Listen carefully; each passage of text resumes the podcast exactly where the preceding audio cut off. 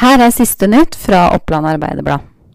Moskeen i Gjøvik har flyttet inn i nye lokaler på Mjøstranda.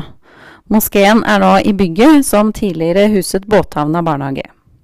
Moskeen har tidligere vært i Sandsgården, men avtalen med gårdeier er nå opphørt. Islamsk kultursenter har 700 medlemmer fra hele Vest-Oppland, og på nyåret kjøpte de næringslokalene i Slåttveien i Hunndalen. Bygget er imidlertid ikke godkjent til forsamlingsformål ennå. Falkentunnelen på fv. 33 i Østre Toten blir stengt i tre timer torsdag i forbindelse med en øvelse. Bilister anbefales å kjøre om E6 Hamar, rv. 4 Hadeland eller om Hurdal.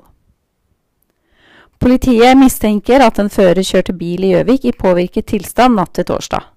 Politiet stanset bilen klokka 00.28, og mannen ble tatt med til lege for bevissikring.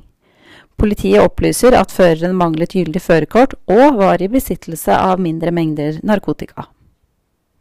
Og på Toten innfører Toten HK gratis trening for alle medlemmer under ni år.